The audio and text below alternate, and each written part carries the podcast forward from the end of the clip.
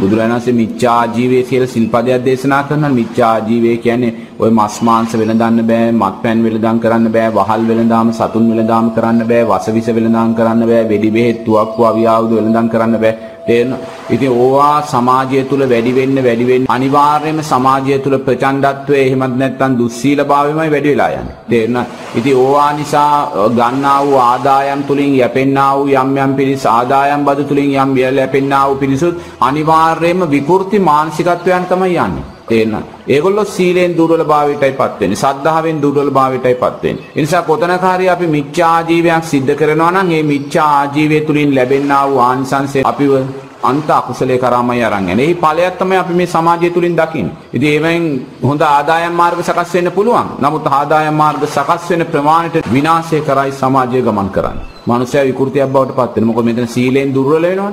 මෙතන සීලෙන් දුර්වල වෙනකොට එක පැත්තකින් සී මුලාවට පත් වෙච්ච මිනිස්සු තමයි බිහි වෙන්නේ. අපි කියමු දැන් මේ ජීවිතේ කවුරු හරි මත්පැන් විකුණනවා කියලා. ඉතින් මත්පැන් විකුණුවාට පස්සේ ඒ මත්පැන් විකුණුව කෙනා පින්කමුත් කරනවා. දන් දෙනවා. පන්සලට දන් දෙනවා. වෙසක් පොසොන් කාලට විශාල දාස් ගානකට දන් දෙනවා. ඉතින් මෙයා මුළු ජීවිතේම කරන්නේ අරක්කු විකුණන එක.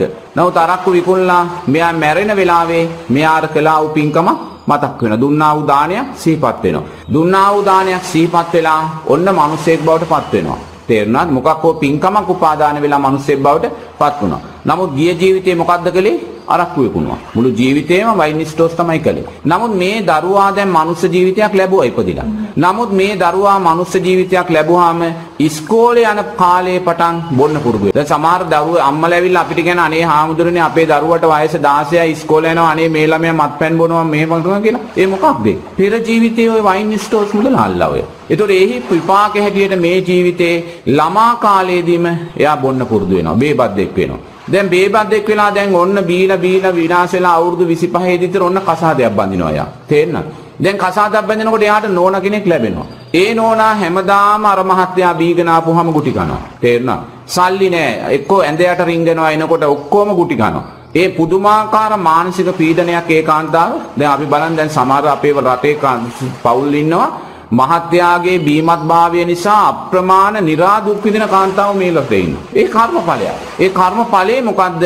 ඒ නෝනා තමයි ගිය ජීවිතේ වයින් ස්ටෝස් මුදලාලි කෙනෙක්ගේ නෝනා කෙනෙක්. දැන් අපි මේ ජීවිතේ මිච්ඡා ජීවෙන් ජීවත් වෙන වයින් ස්ටෝස් එකේ මුදලාලි කෙනෙක්ගේ නෝනා කෙනෙක් ඉන්නවා කියන්නකෝ. ඒ නෝනා මහා සැපයක් නේ විඳින්නේ. එයා ඒ සැපේ විඳින්නේ කුමක් නිසාද?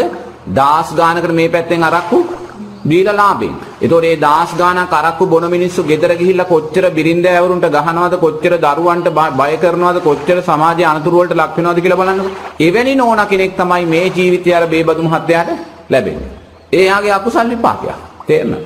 ඉතින් මේ හේතුඵල ධර්මයන් සමාජය ඒකයි කියන්නේ මේ දෙන්නට ඔන්න ළමෙකුත් ඉපදෙනවා. දැන් ළමයා ඉපදුන දා පටන්ම පීඩාවටපත් වෙනවා. මොකද තාත්තා බොනවා අම්මා ගුටි කනවා ළමයාට ඔක්කොම මුකුත්ම නැහැ. ඒතකොට මේ ළමයා කවුද?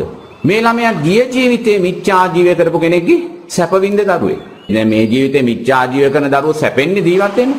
එවැනි දරුවෙක් තමයි අතෙන්ටත් එන්නේ. ඒකයි බුදුරජාණන් වහන්සේ කියන්නේ මේ ලෝකේ කාටවත් අසාධාරණයක් වෙලා නැහැ. පවුලක් ඉන්නවා. ඒ පවුලේ මහත්තයා පුදුමාකාර විදියට බොනවා. බීම නිසා නෝනා හැමදාම ගුටි ගන්නවා. දරුවා හැමදාම තාත්තා එනකොට ඇඳයට තමයි ඉන්නේ. තේරෙනවද? නමුත් ඒ දෙන්නටවත් අසාධාරණයක් වෙලා නැහැ. තේරෙනවද? මොකද ඒකත් සාධාරණයක් හිතන තියෙන අසාධාරණයක් මොකද ඒගොල්ලෝ කළ දේ ඒගොල්ලෝ ලබන්නේ. තේරෙනවද? ඔබලා මෙතනින් එළියට බහිනකොට මෙතන පුංචි දරුවෙක් මරලා දාලා ඉන්න පුළුවන්. නමුත් ඒ පුංචි දරුවාට කවදාකවත් අසාධාරණයක් වෙලා නැහැ.